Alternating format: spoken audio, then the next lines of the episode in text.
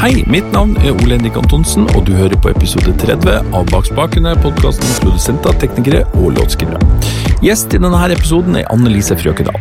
Hun er mest kjent for å fronte egen solokarriere og fra diverse bandprosjekt, men hun har alltid vært involvert i å produsere sine egne prosjekt.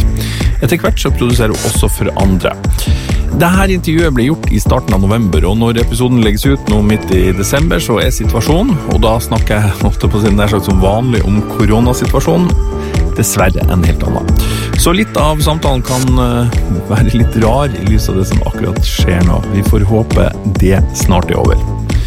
Bak spakene lages i samarbeid med Benum, som bl.a. importerer Universal Audio og Skjør. Den store nyheten fra Universal Audio nå, det er en lydkortserie som heter Volt.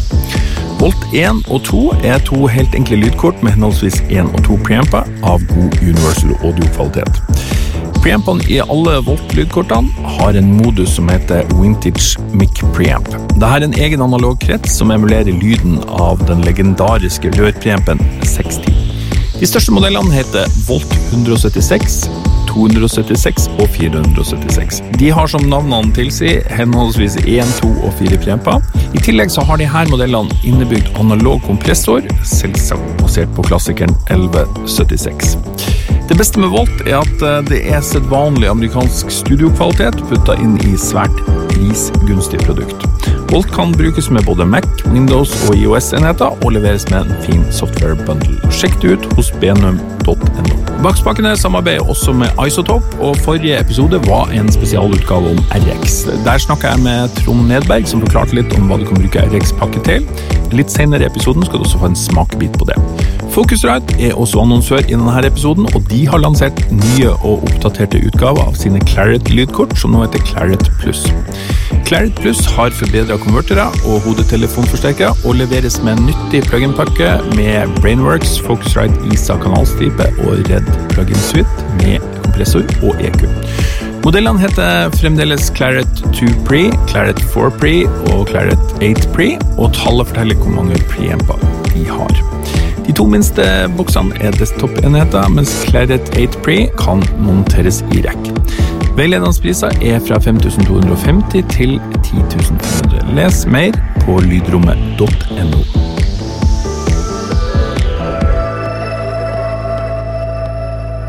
Da kjører vi i gang. Eh, velkommen tilbake spakene, Annelise Frøkedal. Tusen takk. Eller Frøkedal, som du jo helst kaller som artist.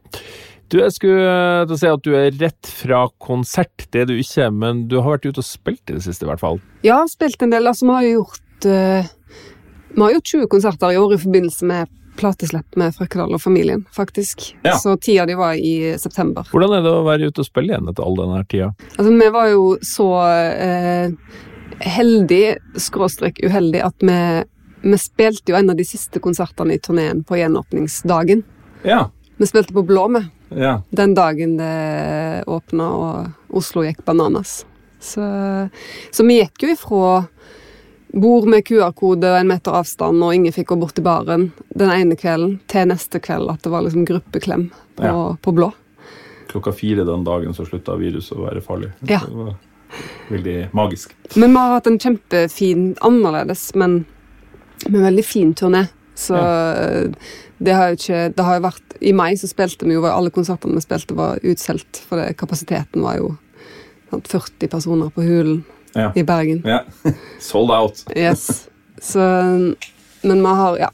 Det er jo enormt mye bedre å spille enn å ikke gjøre det. Mm. Mm. Det skjønner jeg. Du, um, det her er jo en podkast om uh, det litt mer bakom livet. For du er også, i tillegg til å være kjent artist, så er du også en eh, kan man si, bakkvinne, bakom-person. Og, og vi skal snakke mye om det. Men først så skal vi liksom bli litt kjent med deg. Litt, uh, en tur gjennom livet ditt så langt. Du er fra Etne i gamle Hordaland fylke. Mm. Er det, er det der man kunne ta ferga til Rosendal? Ja, ifra kommunen, i hvert fall. Fra Skånevik så går jo ferja over. Skånevik, var det. Mm. Det ligger i Etne kommune, selv Ja. om de helst ikke vil vedkjenne seg det. Nettopp. nettopp. Er du fra et musikalsk hjem? Ja, eller jo, jeg er egentlig det, altså. Ja. Eh, min far eh, spilte mye gitar da vi var små, så han, eh, og var veldig glad i Jan Eggum. Så ja. jeg hadde, hadde en enorm oversikt over Jan Eggum-låter ganske tidlig. Ja. Um, så er egentlig min mor ganske musikalsk, hun òg, men hun eh, tør på en måte ikke gjøre noe ut av det. Men, eh, men hun kan synge fint og sånn. Ja. Men spilte du instrument og sånn når du var barn? Eh, jeg spilte i korps. Eh, det var vel det første på en måte da? organiserte jeg gjorde. Jeg var, et, jeg var veldig lat som liten, så jeg sa at jeg ville spille på det minste instrumentet. For jeg visste at jeg måtte gå i tog på 17. mai og bære det. Så Ja. jeg spilte kornett. Ja, ja. Det er jo bra. Det er jo lead. Det er bra. Eh, men, eh, men band og sånne ting, når de, når de starta det? Det starta på ungdomsskolen. Um, da spilte jeg i Etnes eneste band, faktisk. Ja. så, og det var nok litt sånn tilfeldig. Jeg tror ikke jeg hadde jeg var, altså Helt ifra jeg gikk barneskolen, så hadde jeg på en måte konserter på rommet mitt eh, hver kveld. altså At jeg låste døra og liksom holdt et slags show der inne. Jeg var veldig opptatt av rock. og så jeg hadde nok vært klar for et band langt tidligere enn det, men, men det var, forholdet lå ikke helt til rette. Jeg gikk på en barneskole med 30 elever. Mm. I know the feeling. Ja. Men du spilte gitar? Eh, Ja, jeg begynte å spille bass, egentlig, fordi at, eh, på en nylonstrengsgitar. Eh, Så jeg Ja. plukka masse bass, for det var veldig lett å angripe i forhold til det at det var bare én tone om gangen. Ja, ja. Eh, Så det var sånn jeg begynte. Pappa kunne spille gitar, men han fikk ikke komme i nærheten av meg, for det var en veldig privat ting for meg, det der å holde Ja. på med musikk. Så jeg ville ikke lære noe. Men så etter hvert så begynte jeg å kombinere flere toner til akkorder, og så begynte jeg å forstå hvordan det hang sammen. Så når jeg begynte i band på ungdomsskolen, så, så spilte jeg gitar og sang. Mm. Mm. Tidlige helter utover Jan Eggum. Jan Eggum var pappa sin helt. Ja. Så, Du, du, du var bare eksponert for ja, jeg hadde, jo da, jeg syns Jan Eggum var, var fint, men kanskje det Det som var på en måte en sånn musikalsk oppvåkning for meg, var nok eh, faktisk sånn glam metal. uh, som jeg hørte på, uh, på barneskolen, egentlig. Så jeg hadde Men hva- da? Hvilke band? Altså sånn 70-talls-glam, eller Eh, Jeg skulle, dessverre må jeg vel si, dette var liksom LA glam, eh, altså hårmetallen. Ja. Ja. Så, men jeg forstår jo at den var veldig attraktiv. For det dette er jo altså last band som Mutley Crew, Ja. Warrant Wasp, altså hele den greia. Dette er jo ikke på en måte kanskje noen forbinder med sånn høy kvalitet i dag, men det var jo veldig sånn sterke uttrykk, mye kostymer, mye sminke. Mm. Vanskelig å se om, om folk var kvinner eller menn. Altså, det var masse med det som jeg syntes var veldig fascinerende, tror jeg, og veldig sånn allsangvennlige refrenger ofte. Så Ja. på en måte så tenker jeg at det pass, passer jo bra for barn. mm, Høy underholdningsfaktor. Absolutt. Så jeg var veldig opptatt av, eh, av ja, Jeg hadde en, en fem år eldre slektning som var veldig sånn eh, Kunne mye om, om rock, og som fora meg med sånn kassetter med opptak ifra mine egne favoritter, og så ispedd en og annen av hans favoritter, da, som jeg, for jeg liksom skulle utvikle meg og ikke bare høre på det jeg syntes var, var gøyest eh, sånn umiddelbart. Men, Ja. eh, mm, så det var sånn det, det begynte. Ja. Hvem skulle tro? Ja, det, det er ikke noe folk eh, regner med sånn ut ifra den musikken jeg, jeg holder på med i dag. Helt, helt. Men um, utdanning, gikk du musikklinje og sånt, eller hvordan, hvordan Ja, det? jeg gjorde faktisk det, og det er bare flaks, altså. Fordi Ja. det Jeg fikk vel egentlig ikke lov til å flytte på hybel, men akkurat det året så åpna de for at søkere fra Hordaland kunne gå på Skeisvang i Haugesund. Ja. Det var første gangen de gjorde det. Og i og med at uh, min far jobba der, så var det liksom greit da, at jeg fikk meg en hybel i Haugesund. Alternativet hadde vært Stord, og det var en litt mer komplisert reise. Mm. Så da hadde jeg nok endt opp på allmennfag i nabobygda. Mm. Så jeg hadde jo litt uh, Det var veldig flaks akkurat det, for det, på den skolen i Haugesund så møtte jeg ganske mange av de som jeg fremdeles spiller med og jobber med i Ja. dag. Ja. Mm. Så der, eh, ja, der gikk jeg i tre år. Sånn klassisk, for det var, du måtte velge jazz eller klassisk vokal. Jeg følte meg ikke god nok på gitar til at jeg følte jeg kunne ha det som hovedinstrument. Så jeg eh, sang bar, for det meste. Ja. Jeg var ikke så glad i, Selv om jeg var veldig glad i liksom, en teatralt eh, puddelrock-uttrykk som barn, så var jeg ikke så veldig glad i å være teatral når jeg skulle synge sjøl. Så det å synge romantisk musikk, for eksempel, det syns jeg ble pinlig. Ja. Eh, så det å synge bar-arier passer veldig godt for Eller ja, barokkmusikk, da, kanskje generelt. Passer meg bedre. ja. Og da ble du kjent med folk og, og starta band, eller? Jeg hadde et band der som spilte mine låter. Eh, det ble aldri noe av eh, det, men det var vel en start på det å liksom finne ut at ja, jeg, kan, jeg kan skrive ting som er, som er bra nok til at all slags folk som jeg til og med ikke kjenner så godt, vil være med og, og spille det. Mm. I tillegg så hadde jeg en en eh, meg og to venninner drev og sang eh, Hadde en sånn a cappella-trio. Som eh, sang egentlig Grieg-svisker trestemt på gamlehjem og sånn, men som en- noen år seinere begynte å synge Motorpsycho på nynorsk, som jeg da oversatte og arrangerte for eh, Ja. tristemt eh, vokal. Så jeg holdt Ja, det var, var mange sånne rare prosjekter som en holdt på med der, men det var en veldig jeg spilte, begynte å snuse litt på folkemusikk, fordi det var, det var han som spiller fela i Frøkedal og familien i dag. Han gikk jo i klassen min, Ja. Eh, så jeg ble litt interessert i det. Så jeg fikk jo veldig mange bra impulser. Jeg er til og med glad for at jeg måtte synge klassisk i tre år, for det, det skjedde jo ting med Ja. både hodet og stemmen som, eh, som har vært kjekt å ha med seg videre. Mm. Eh, Etter hvert så hadde du to band som ble litt sånn parallell. Mm. I Was A King og Harry Skum. Hva kom først? Harry Skum kom først. Um, det starta vi vel i 2005. Det var jo en slags sånn forlenging av et band hadde, de fleste av oss hadde vært med i tidligere. Og så starta vi eh, Harry Skum i 2005. Hvor kom navnet fra? Eh, det første øvingslokalet jeg hadde da jeg flytta til Oslo, eh, det var på nå nedlagte Borgen. Eh, nedlagt seg Revne. Det er altså gamle Aftenposten-bygget. Og der var det en veldig mystisk dør der det sto Harry Skum på. Oh, ja. Eh, og, du, hvis du kikka inn, så eh, så så det på en måte virkelig ikke ut som en plass folk trente, hvis du skjønner hva jeg mener. det var litt sånne sneiper og ølflasker og, Ja. og sånn. Ja. Så vi, vi drev og fantaserte en del om, om hva som egentlig skjedde i Harry Skum og sånt. og så senere så fikk vi oss eh, nytt øvingslokale, og da ble det på en måte naturlig å døpe det Harry Skum. Og så bygde jo trommisen vår Bjarne Stensli. ja. Han bygde et studio der, og så ble det hett Harry Skum Studio, og så på et eller annet vis, egentlig mot vår vilje, så endte bandet opp med å hete Harry Skum. For det, bare, det, hadde, det var et navn vi hadde hatt med oss så lenge at vi klarte ikke å Gudene skal vite at vi prøvde å finne et annet, men vi fikk det ikke til. Men det var jo Det virka jo på en måte Det var et navn som du huska når jeg hørte det én gang. Så huska alltid var eh, I hvert fall for meg.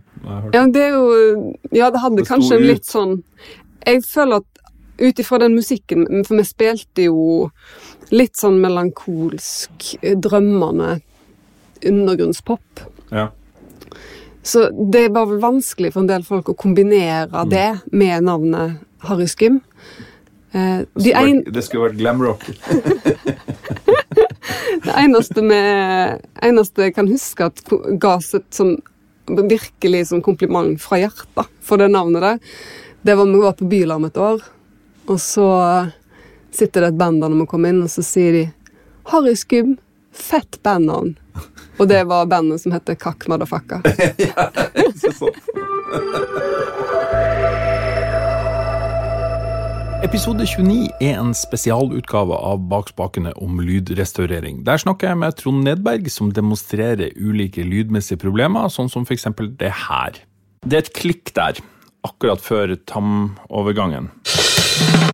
Ja, det er et knepp rett og slett opp i diskantområdet. La oss høre på det. Ja, det må vi få bort. Yes. Og det vi da gjør, er jo bare å markere litt før og litt etter klikket, og så trykker vi på declicker, declicker, siden det er et klikk vi skal ha bort. Ja, Og da blir det sånn som det her. Fantastisk. Ja, veldig enkelt. Resten av det her, det hører du i episode 29.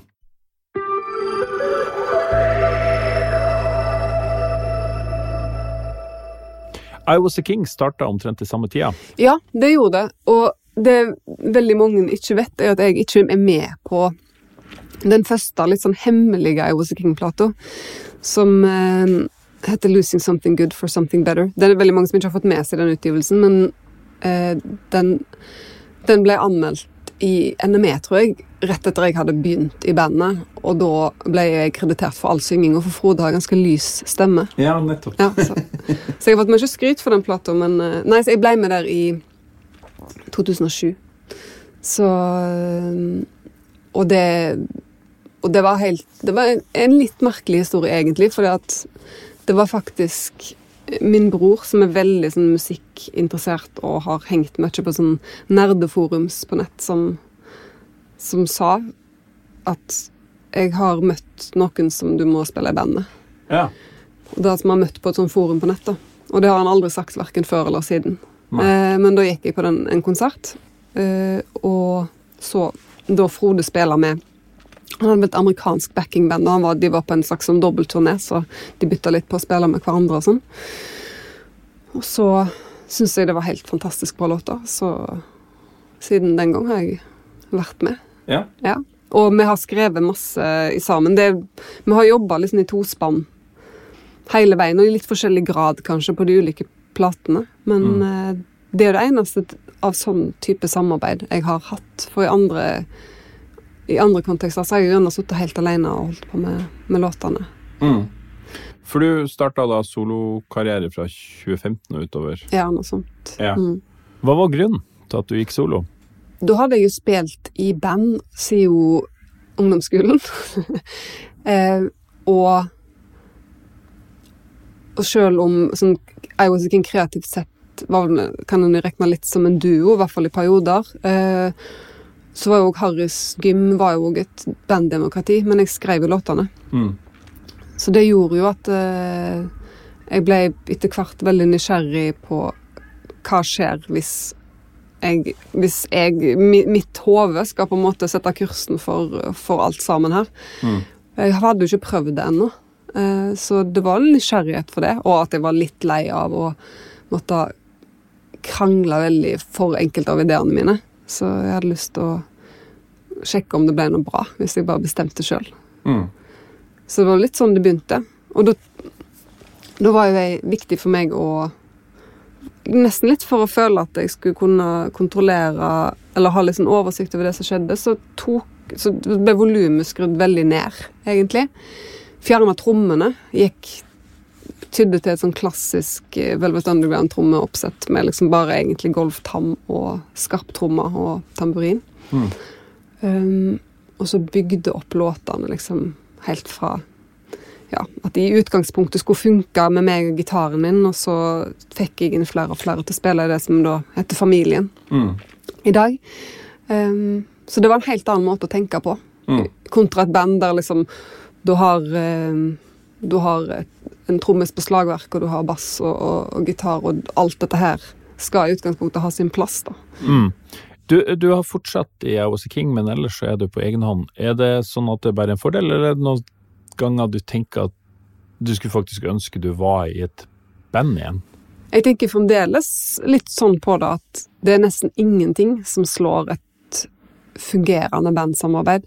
Nei. At det er noe av det liksom største gleden en kan oppstå. Det kommer sannsynligvis bare til å funke bra i sånn ca. fem minutter om gangen, men, eh, men det er det beste. En, beste, en veldig god følelse. Mm.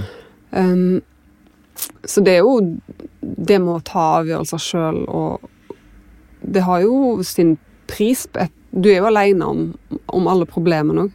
Men jeg må jo si det at for meg så har det vært deilig å bare kunne skjære igjennom uten å føle at jeg burde sjekka med noen andre, ringt noen, eller jeg synes det er litt Det føles som om at akkurat den delen av livet mitt som er Frøkedal-familien, det er en litt mer effektiv måte å, å jobbe på. Og så har jeg jo en bunch med andre band som jeg er med i, eh, Ja. og der en tar, bruker kanskje litt lengre vei på, til mål og sånt. Ja. Så jeg har det fremdeles i, i livet mitt. Mm. Mm. Bra. Hvis vi penser litt inn på låtskriving, hvordan blir låtene dine til? Oi, oi, oi. Ehm, av og til så skjer jo bare låter, men det er vel det er når han har skikkelig flaks. Men ehm, nå i seinere tid så har det vel vært litt mer sånn at jeg setter av tid til å være kreativ, på en måte. Ja, du har låtskrivetid. Ja, men det er kanskje det det er veldig sånn lekent i starten. Ehm, at jeg spiller bare på Og at jeg holder på med ting jeg syns har et eller annet ved seg. Det, er er sikkert, det er sikkert veldig mange som gjør det sånt. Du får en tanke i hodet, og så bare Så bare har du 500 sånne korte snutter på, på telefonen din med, med ting. da. Så jobben er jo ofte å gå derifra til at det blir en hel låt. Ja. Det er det som eh, men, eh, men jeg føler at den, i hvert fall det å ha den tida til å bare leke med ideer som en syns er gode, eller spiller det en syns er kjekt, det er viktig for meg. Og om det er Ofte så syns jeg at det å, å bytte til et instrument jeg ikke kan så godt, kan være en bra Ja. approach. Hvilke instrument skriver du oftest med? Det, jeg er jo gitarist, så, Ja. um, så det, det er jo den raskeste veien for meg å finne ut av ting på. Um, men jeg kan, bruker jo òg tangenter. Det var jo helt sånn Jeg har noen låter fra liksom Harry Skum som var helt sånn derre en som hadde- hadde et lite lekepiano som hadde én oktav, og den låten i sin helhet er skrevet på det. Ja. Um, så det blir, det, av og til er det sånn at i et nytt instrument, om det er et godt instrument eller et dårlig instrument, så bor det kanskje flere låter. da. Mm. Men så spiller jeg kan, altså jeg kan Jeg har skrevet låter på mandolin, ukulele eh, Uten at jeg kan noen av delene veldig godt. Men en akkord er jo bare Du trenger ikke mer enn å trykke ned to toner samtidig, og så har du masse, masse å jobbe på. Så jeg har spilt veldig masse fele etter pandemien kom. Oi. Fordi at da Det er første gangen i livet jeg har tenkt at nå har jeg tid til å angripe feler, for det tar litt lengre tid før det høres Det ok ut. Ja, ja, jeg har en sønn, han skal begynne å spille fiolin, og bare sånn please. Eh, det tar liksom ti år før det her er ålreit for noen involverte parter. Men det er veldig vanskelig, jeg sier det? Jo, men det er helt Det er så utrolig gøy når du får til en fin tone. Så det, Men det, det er veldig stygt veldig lenge. Ja. Det er det, altså. Men uh, det gjelder vel å liksom finne noen låter som ikke tar så lang tid før de låter bra. Så jeg syns litt synd på de som begynner med å skulle lære seg klassisk fiolin, f.eks. eksempel Uh, men jeg har lært meg liksom slåtter. Ja. Og det er jo musikk som er laga for alle slags amatører, på en måte. Det er ikke laga for at profesjonelle utøvere skal spille det nødvendigvis. Nei. Så der er veien litt kortere, og det, det er lov å skli litt på tonene, og, og, du kan ha litt fri tonalitet og sånne ting, sånn at det har vært bra. Det har gitt meg veldig, veldig masse glede å holde på med. Så kult. Jeg, jeg bare lurte litt på det med du sier med å sette av tid til låtskriving sånn. Ja. Ja, Vi er et lydtett studio. en måte. Eh, Hvor mye hvor mye tid bruker du til å skrive? Er det en sånn periode der det er nå er det skriveperiode, og så jobber du hver dag med det, eller, eller har du en sånn mer sånn regelmessig fast jeg er ikke flink på å ha rutiner i det hele tatt. Og så har jeg endt opp med å turnere ganske masse, Ja. med, med mange forskjellige prosjekter, egentlig. Som gjør jo at det, det er litt det jeg har tenkt, men det er sånn typisk, for nå har jeg turnert masse, øh, og da begynner jeg å savne det med å ha den roen til å sitte og, og holde på med, med låter. Så jeg har veldig lite rutiner rundt det. Eneste som kan minne om en rutine, er at jeg stikker av til eh, Vi har ei lita bitte lita hytte i skogen i Sverige. Ja. Stikke av der og sitte Ja. der litt og, og holde på, for da tar jeg på en måte vekk alle distraksjonene fra hverdagen. Mm. Så Men utover det så har jeg nok Men jeg, så, men jeg, jeg føler jo av og til at for å kunne skrive, så må noe må komme inn for at noe skal komme ut. Mm. Så hvis min dag, hverdag er liksom stappfull av eh, Ja, hva gjør en, en eh, Altså, en holder på med e-post, eh, regnskap, eh, en øver til en konsert, eller hva som helst. Hvis det blir for mange sånne ting, så syns jeg det er vanskelig å, å lage at det skal komme noe igjen ut av det. Så jeg Mm. føler at det er viktig, viktig å oppsøke gode opp opplevelser og interessante situasjoner Mm. for at en skal ha noe å fortelle om. da. Du må leve litt. En må rett og slett leve litt. Mm. Og, det må, og der må en ha tålmodighet med seg sjøl òg. Jeg har forstått det at hvis jeg har jobba på spreng i tre måneder i strekk, så er det ikke sånn at jeg kan bare sette meg ned og så skriver jeg en kjempefin låt om Nei. det. For det er, jeg, må, jeg, må, jeg er nok litt avhengig av å være i kontakt med følelseslivet mitt på noe vis. da. Mm. Gjennom denne sesongen av Bakspakene så har jeg snakka en del om Skjør MV7, som er en mikrofon med innebygd lydkort som kan kobles rett i datamaskin og mobile enheter ved hjelp av USB. MV7 har imidlertid også vanlig XLR ut, og står veldig godt på egne bein som en ren mikrofon, hvis vi kan kalle det det. Derfor så har Skjør nå laga MV7X, der X står for XLR. Dette er altså kun mikrofondelen av MV7. MV7X er en dynamisk mikrofon, særlig retta inn mot podkastmarkedet, men den er veldig fin å ha i arsenalet også til andre ting. Les mer hos benum.no. Tekst og musikk, hva kommer først? Musikken kommer ofte først, men han kommer aldri helt alene. Eh, og jeg synger ofte en spontan tekst når jeg lager en låt. Ja. Og den eh, må jeg være veldig forsiktig med, for at den, hvis den setter seg, så er jeg stuck med en tekst som ikke gir mening. Så, så jeg prøver å være flink til å liksom ganske raskt gå inn og begynne å Men jeg, den impulsiviteten og, som, og i dette her med disse ordene som bare kommer av seg sjøl, der er det ofte veldig masse bra som dukker opp, som jeg ikke kunne liksom, intellektuelt bare satt meg ned og nå skal jeg skrive en sang om, dette her. Så det er noen viktige ting i, i det der improvisatoriske da, som eh, gjør at en, eh, en kan overraske seg sjøl litt. Ja, Og det er jo det vil en jo òg, egentlig, når en skriver en låt. absolutt. Ja. Den eh, dette her trodde jeg aldri jeg klarte å skrive. Ja. Det er jo en fantastisk følelse. Eh, Men så vidt jeg har fått med meg, så skriver du stort sett alene. Ja. Ja. Det er nesten litt uvanlig i dag. Eller, eller føles det har blitt sånn veldig alle på sånn samarbeidsskriving. Ja, det er kanskje litt sånn uhipt. eh, At det er mm, Jeg har jo Jeg er jo med meg, I I King så skriver meg og Frode, men det er det er jo gjerne med at vi kommer med biter fra hver vår kant, og så sitter vi og putt, setter det sammen. Eller at jeg skriver tekst på en melodi han har laga, eller så, så akkurat det der å så sitte i et rom og så Jeg er vant til å jobbe sånn med arrangement. At en liksom har bruddstykker som skal puttes sammen, men akkurat det å liksom sitte i lag og, og skape en sang har jeg ikke sånn veldig masse erfaring med. Jeg har prøvd det et par ganger, og det er alltid veldig sånn flaut i starten. Men, Det er eh, veldig intimt. ja, Eh, skikkelig. Ja. Men, eh, men der òg Da ender en jo opp med å ta veier som en jo aldri ville gjort på, på egen hånd. Så det er ikke det at jeg er imot det, men jeg tror nok at det er en sånn Jeg har alltid vært litt sånn privat i forhold til det å, å lage musikk. Litt sånn som dette her med at jeg ikke vil ha hjelp til å lære å spille gitar. Og Mm. at det, det ligger noe der at jeg vil helst bare, hvis, Jeg kan ikke jobbe med åpen dør, eksempel. Bare tanken på at noen kan høre meg når jeg sitter og holder på, er det verste Ja. verste jeg vet. Så, så jeg må liksom ha lukka dør og vite at ingen hører meg, og så, Ja. så kan ting skje. ja. Mm. Hvis vi snakker litt om produksjon, helt fra starten, du har vært veldig involvert i produksjonene. Ja, altså når en spiller i band, så, så er en jo produsent. En bare glemmer det ofte litt. Ja. Um, så vi har jo Vi har jo uh, Altså både ja, På Harry Skum-platene Skum så har jo bandene på en måte stått som Nå hadde vel Ariskum hadde vel produsent, ekstern produsent på ei plate, men først gjorde vi sjøl, mye med Bjarne, som jo tidligere, senere har faktisk blitt produsent på fulltid. Ja. Eh, Men òg av Jose King-platen så har vi gjort eh, flere av de sjøl. Eh, så det er sånn som en glemmer litt ut. Eh, at en Ja.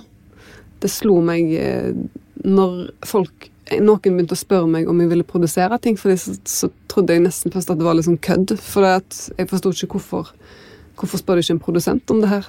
Og så innså så jeg jo at jeg har jo faktisk Du er en produsent.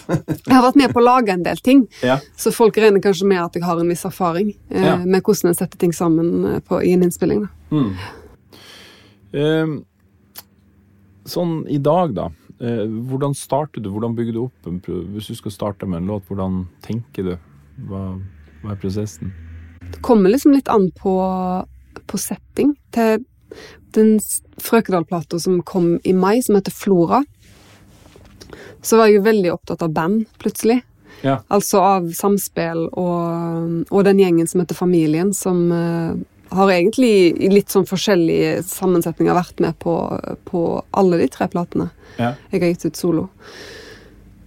Og så da var jeg veldig opptatt av at en ikke skulle overtenke demofasen, for eksempel. For det, alle sitter med innspillingsutstyr nå, så det er veldig lett å liksom lage Ja, veldig flotte demoer. Ja. Så det var noen utrolig kjipe demoer de fikk av meg. Eh, fordi jeg hadde lyst til å kjenne litt mer på hva skjer i rommet når vi er i lag.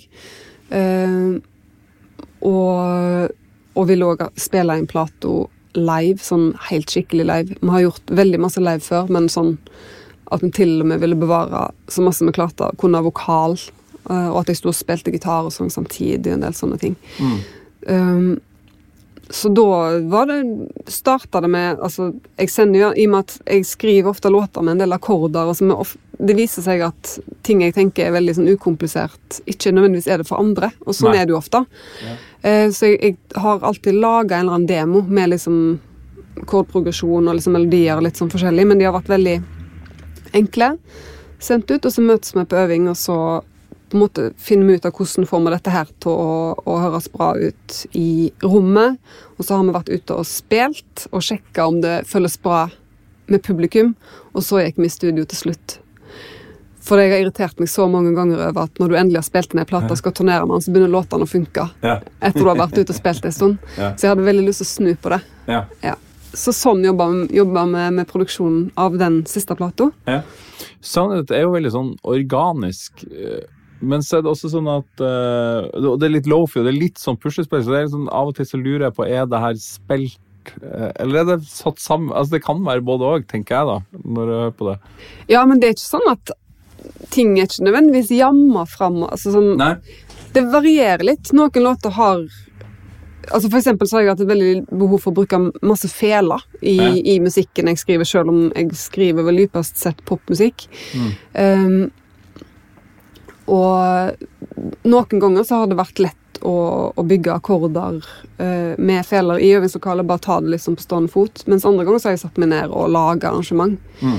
Når jeg fant ut at jeg kunne trykke på en knapp i Pro Tools som gjorde midi om til noter, da skjedde det, da begynte det å skje ting. så, så da har jeg Så jeg har jo lært eller lært, men jeg har i hvert fall skrevet en del noen strykearrangementer og sånt. Ja. Men alltid for to- to-tre feler, ikke noe mer avansert enn det. Nei.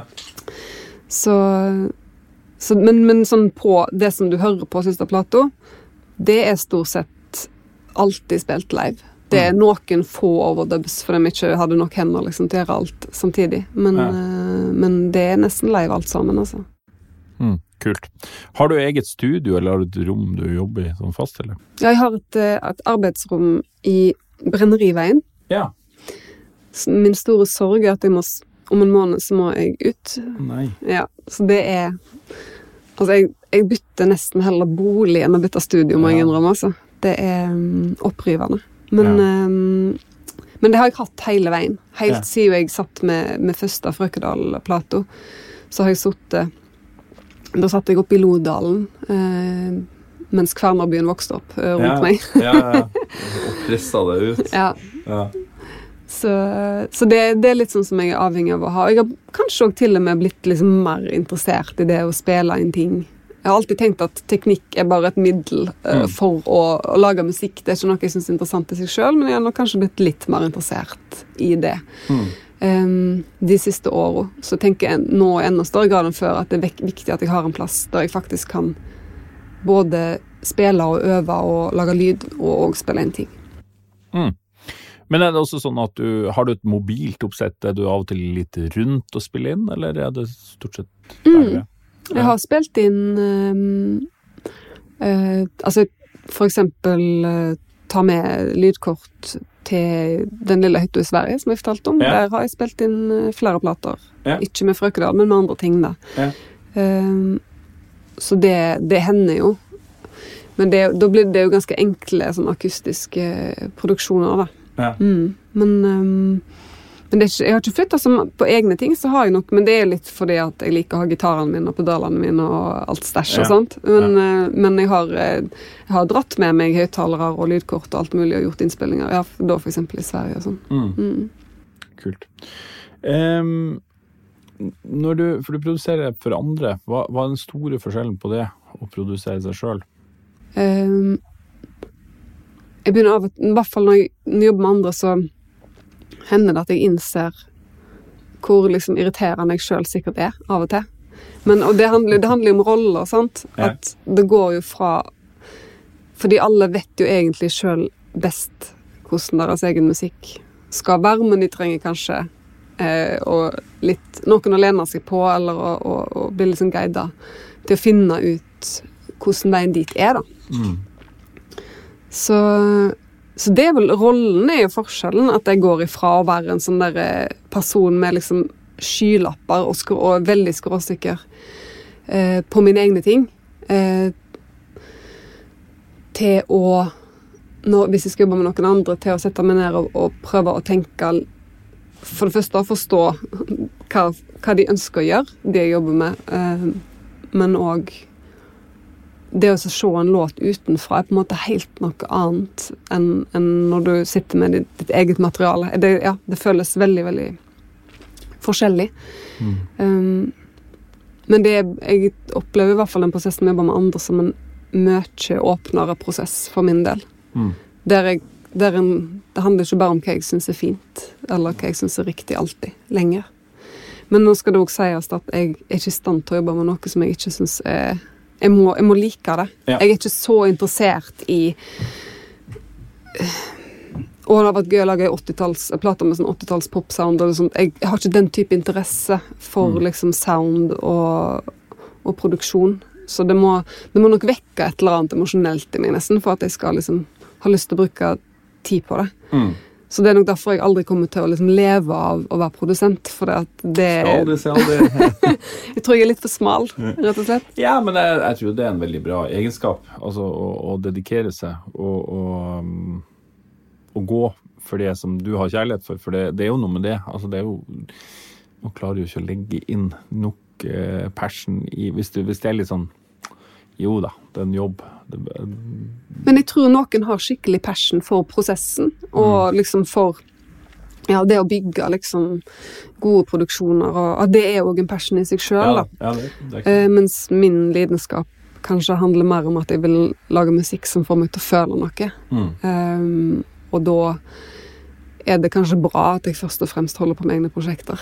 Eh, jeg er i hvert fall glad for at jeg ikke skal liksom leve av å, å produsere for andre, for det tror jeg hadde blitt vanskelig.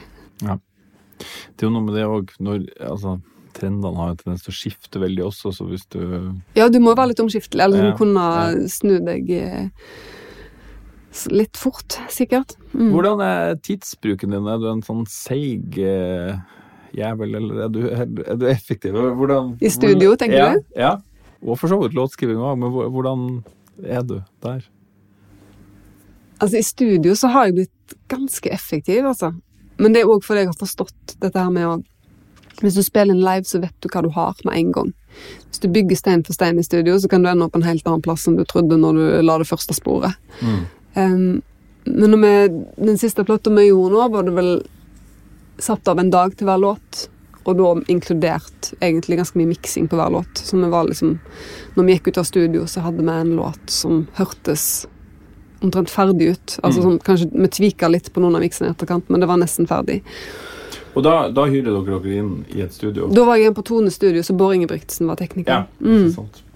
Vi skulle, min plan var egentlig å ha ekstern produsent for å liksom klare å, å tøye Det er jo kanskje begrensa hvor mange ganger du skal produsere dine egne plater. Tenkte det kanskje var på tide. Men han skulle komme fra England, så det, gikk, det var jo midt i Nei, pandemi nei, og sånt. Så, så det, jeg endte jo opp med å produsere sjøl, men med god støtte i bandet og Bård, da. Ja. Så, men jeg er, jeg er ganske sånn effektiv, faktisk, i studio. Ikke glad i å dvele for masse. Jeg tenker meg at det er viktigere å liksom komme seg framover. Eh, jeg, jeg driver ikke timevis og legger vokal på noe, for det, det beste du gjør, gjør er ofte det tidligste du gjør. Mm. Kanskje take 1 eller take 2 er liksom de hyppigst brukte av den når vi har spilt inn, i hvert fall. Ja. Um, så så jeg er litt der. Og har nok òg blitt liksom mindre sånn emosjonell på det med prestasjon i studio. At det Ja. er ikke sånn at jeg skal liksom føle nødvendigvis at jeg har gjort verdens beste take. Hvis jeg slapper av å spille, så blir det sannsynligvis bedre Ja. enn hvis jeg skal inn i en sånn voldsom tilstand fordi jeg skal liksom få lytteren til å føle noe på andre sida. Så Mm. Det er vel en sånn typisk rutineting i studio. Det, det å liksom slappe av på egen følelse altså, og prestasjon. Altså, det er jo Du får høye skuldre av det hvis du begynner å skal være i en voldsom tilstand for å ja. Jeg- Tror jeg. Ja, jeg, du har kanskje rett, rett i det, altså. Men jeg, jeg tror nok det er litt forskjellig eh, At noen tenker det, selv om de har fått masse rutine òg. At det Jeg vet ikke. Men, eh, men jeg er nok glad i å være litt effektiv, ikke dvele, og ikke tenke at låter er for hellige. Jeg var nok mye mer beskyttende og, og redd for å ta feil valg og sånn Mm. eh, tidligere i karrieren. Mens nå er jeg litt mer sånn Det er en låt, og så Og den eh, Den er bra nok, og så skal jeg videre, på en Ja. måte. Ja. At det er ikke sånn at hver eneste låt skal definere meg, eller Jeg, jeg må være glad i den, og, og det må bli bra. Men jeg prøver å ikke overtenke altfor masse. Jeg blir alltid litt ko-ko sånn i innspurten av uh, miks, og gjerne også i forbindelse med mastering. Men det er en sånn liten sånn psykose som man går inn i på tampen. Eh, det tror jeg eh, I uh, hvert fall de som er ganske hands on i sine egne innspillinger, eh, det tror jeg skjer nesten. Nesten uansett. Mm. Mikser du sjøl, eller?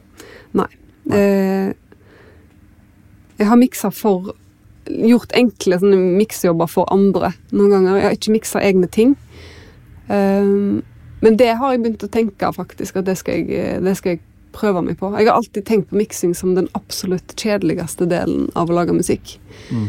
For all magien skjer på en måte før miks. Ja, definitivt. Og så hender det ofte, av, ofte så koker det ned til miks at du bare prøver å ikke ødelegge noe. Um, og jeg har jobba med Han som miksa de to første platene eh, til Frøkdal, han er helt enig med meg. han mikser, og han mener òg at det er på en måte den kjedeligste delen av å lage musikk. Hvem er det? Han heter Jimmy Robertson. Ja. Um, veldig, veldig bra eh, tekniker og mikser eh, som eh, er basert i London. Ja. Jeg ble kjent med han fordi han jobba på eh, Han jobba som tekniker på siste plate til Harry Skum. Ja. Og han har nok vært en sånn viktig døråpner for meg i forhold til det med teknikk. Fordi han prøvde aldri å slå meg i hodet med noe eh, på en måte termer eller ting som var vanskelig å forstå når han ikke kom fra den tekniske sida i musikken. Um, så han har alltid liksom insistert på at ørene mine Det jeg oppfatter når jeg lytter, da, at det er riktig og viktig. Han har Mm. insistert på at jeg skal være med på masteringprosess, og at, hvis jeg, at jeg skal på en måte tenke at min mening har en verdi, da. Mm. Eh, For det er jo fort gjort å tenke, i hvert fall når en kommer inn som låtskriver og musiker og ikke er interessert i det tekniske, Mm. så er det veldig fort gjort å tenke at dette her har ikke jeg kompetanse til å mene noe om. Mm. Ja, ikke sant. Men du har jo kompetanse på hva du tenker sluttproduktet skal være, og det er jo det som er viktig, tror jeg. Ja, men jeg tror ofte det er språket som er i Ja. veien. At en har ikke et vokabular for å Mm. beskrive det en mener. For ofte så gir jo musikken følelser, Mm. og hvis det er noe som er feil, så føles det kanskje bare altså, Hvis en ikke har noe bedre å si enn at det er stygt, så, så er det jo ikke så lett å kommunisere med en tekniker som ikke Det er ganske frustrerende for han òg. det kan jeg fortelle. Faen, det hva hva er gærent? Jeg bare låt jævlig dårlig. Men det syns jeg er litt spennende, har blitt litt spennende da, å prøve å liksom finne litt mer ut av hva er det som ligger i det språket som de som er skapere, eh, ofte bruker. Mm. Um, og ja. Så derf, det er kanskje litt derfor jeg har blitt litt mer interessert i den tekniske delen av det. At jeg har, ja, har miksa litt for noen venner og sånt, og, og begynt å tenke at dette her er Det er noe gøy med å lære seg det her, fordi at det gjør at jeg kan liksom bygge en bro Mm. eh, over til den kreative sida, og, og det har vært ganske deilig når jeg har jobba med andre folk òg. Ja. En kan nærme seg sånn språklig. eh. Det er jo det er kanskje litt som å kunne noter, egentlig. Altså at, at hvis du kan noter, så kan du plutselig uh, et språk da, som, som kan få andre til å levere det du tenker. Ja. Så det er litt sånn Men jeg, mener jo fremdeles at liksom gode, sjølsikre teknikere, de klarer å kommunisere med folk som ikke har et teknisk språk overhodet. Mm. Men det, det, det er ikke mange som får det til, men det er noen som klarer det. Altså. Så Mm. jeg tenker sånn Hvis jeg skal bli Jeg har lyst til å bli sånn i det, når jeg har rolle som tekniker. Ja. Så har jeg lyst til å bli en sånn som kan Og foreløpig er mitt tekniske språk ikke så velutvikla, så jeg, jeg, hvis jeg bare utvikler det litt mer, så tenker jeg at da ligger jeg godt an til å liksom Mm. klare det. Så tror jeg sånn gode teknikere, også skikkelig gode, de har også sånn De er flinke til å catche hva, hva er det man ønsker å oppnå, eh, Mm. uten også at du kanskje må kunne forklare det her helt bokstavelig, skal dit og dit, men de liksom I hvert fall de som jeg har fått jobbe med, de har, de har skjønt det. Eh, Ja. hvor, hvor skal man her? Ja, teknikere bidrar jo nesten alltid kreativt. Eller de gjør jo det nesten uansett yeah. hva de yeah. Det er et bidrag det de har òg, og jeg tror det er det vanskeligste jeg kan tenke meg, å jobbe med en innspilling, og så er det en tekniker som, er et, som bare er nøytral. Som bare Mm. setter opp mikrofoner og skrur, og som ikke mener noe om noen ting. Ja. Eller, ja. Det, det er kanskje den verste situasjonen jeg kan tenke meg å, å være i, for det er jo et samarbeid hele veien. Absolutt. Eh, du, eh, vi må nøle litt på stæsj og sånne ting, da. Er stæsjen viktig for deg? I utgangspunktet ikke, men jeg har eh, vært så velsigna at jeg har ofte hatt folk rundt meg som har syntes det har vært veldig viktig. Bjarne Stensli var vel eh, relativt opptatt av eh, Enormt, Av stæsj. enormt opptatt av stæsj. Men hva jobber Ja. du? Du sa du jobber i Protuls. Ja. Ja. Eh, og det er nok faktisk på grunn av Bjarne, egentlig, fordi han når vi, vi spilte jo en første Harry Skum-plato hos han, eller hos oss, det var jo øvingslokalet vårt, og det som ble Ja. studioet hans. Um, og, ha, og for å enkelt kunne overføre demo til liksom sessions hos han, Mm. altså, så ba han om at jeg skulle lære meg Pro Tools og, og spille en demoene mine der. Jeg er litt usikker på hva jeg gjorde før Pro Tools nå, faktisk. Men uh, om det bare var ja, garasjeband eller noe sånt. Jeg, jeg vet Mm. faktisk ikke helt. Eller kanskje bare at en ikke lagde så mye demoer, men tok ting med på øvingslokalet og gjorde det analogt. Mm. Men så, så siden den gang så har jeg eh, vært i jobba i Pro Tools, og det er jo det, I de første årene så føltes det som sånn konstant å pisse i motvind. Eh, rett og slett. Det var altfor lang vei fra idé til demo. Jeg skulle gjennom Pro Tools. Ja. Men nå er jeg veldig komfortabel eh, med det. Um, og det har vært enkelt for meg, fordi jeg har, jeg har kunnet vært i et ordentlig studio, tatt med meg sessions inn i min egen Pro igjen, og gjort overdubs før jeg har sendt det videre til mix, og laga røffmikser sjøl sånn, før jeg sender det videre. Så det har jo gitt meg en liksom annen kontroll på, på det der med at det er så lett å flytte musikk eh, mellom steder. har gitt meg en, en bra kontroll på, på ting jeg har holdt på med. Mm. Så um, Men ja. eh, Jeg, ja, du vil du vite sånn eh, Vil du ha sånn rig rundown? For jeg vet ikke ja, ja. ja. Jeg bruker et, et Apollo Quad eh. Ja. Ja. Um, som det var Frode Strømstad som tok initiativet til at Han skal òg ha veldig mye av æren for at jeg klarer å gjøre noe som helst teknisk, egentlig. Fordi han er ganske interessert i stæsj, og veldig interessert i å spille ting inn. Han er ikke egentlig noe interessert i å være tekniker, så han har alltid I og med at jeg kunne Pro Tools, så har han alltid forventa at jeg kan oppfylle alle hans ønsker eh, som tekniker. da Ja. om det har vært å liksom pitche ting, eller liksom editering, alt mulig. Så, så da har jeg alltid eh, hatt en god grunn da, til å finne ut av ting. Sjekke opp ting. For vi har sittet og jobba mye sammen. Og mm, så ja, så, jeg, så han tok initiativ til å kjøpe det Apollo-lydkortet når det, de kom. Mm. Um, så det har jeg eh, brukt lenge, og kommer sikkert ikke til å bytte det ut før Frode eller noen andre jeg jobber med, foreslår at, eh, at jeg kjøper noe nytt. Mm. Så har jeg en sånn UAD kombinert sånn eh, preamp og kompressor. Mm.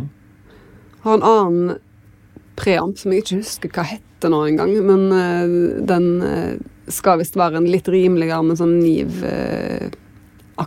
preamp. Og det er vel på en måte stort sett det jeg har i rack.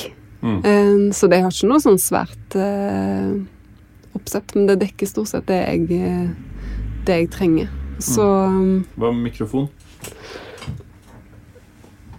jeg har en Jeg bruker en eh, SM7 Ja. uh, masse til vokal med sånn cloudlifter preamp. Mm. For det, var, det, det tror jeg var Bjarne som sa til meg i sin tid, at det er liksom Hvis du har den kombinasjonen der, så må du inn med veldig mye penger for å få en miks som er tilsvarende bra. Mm.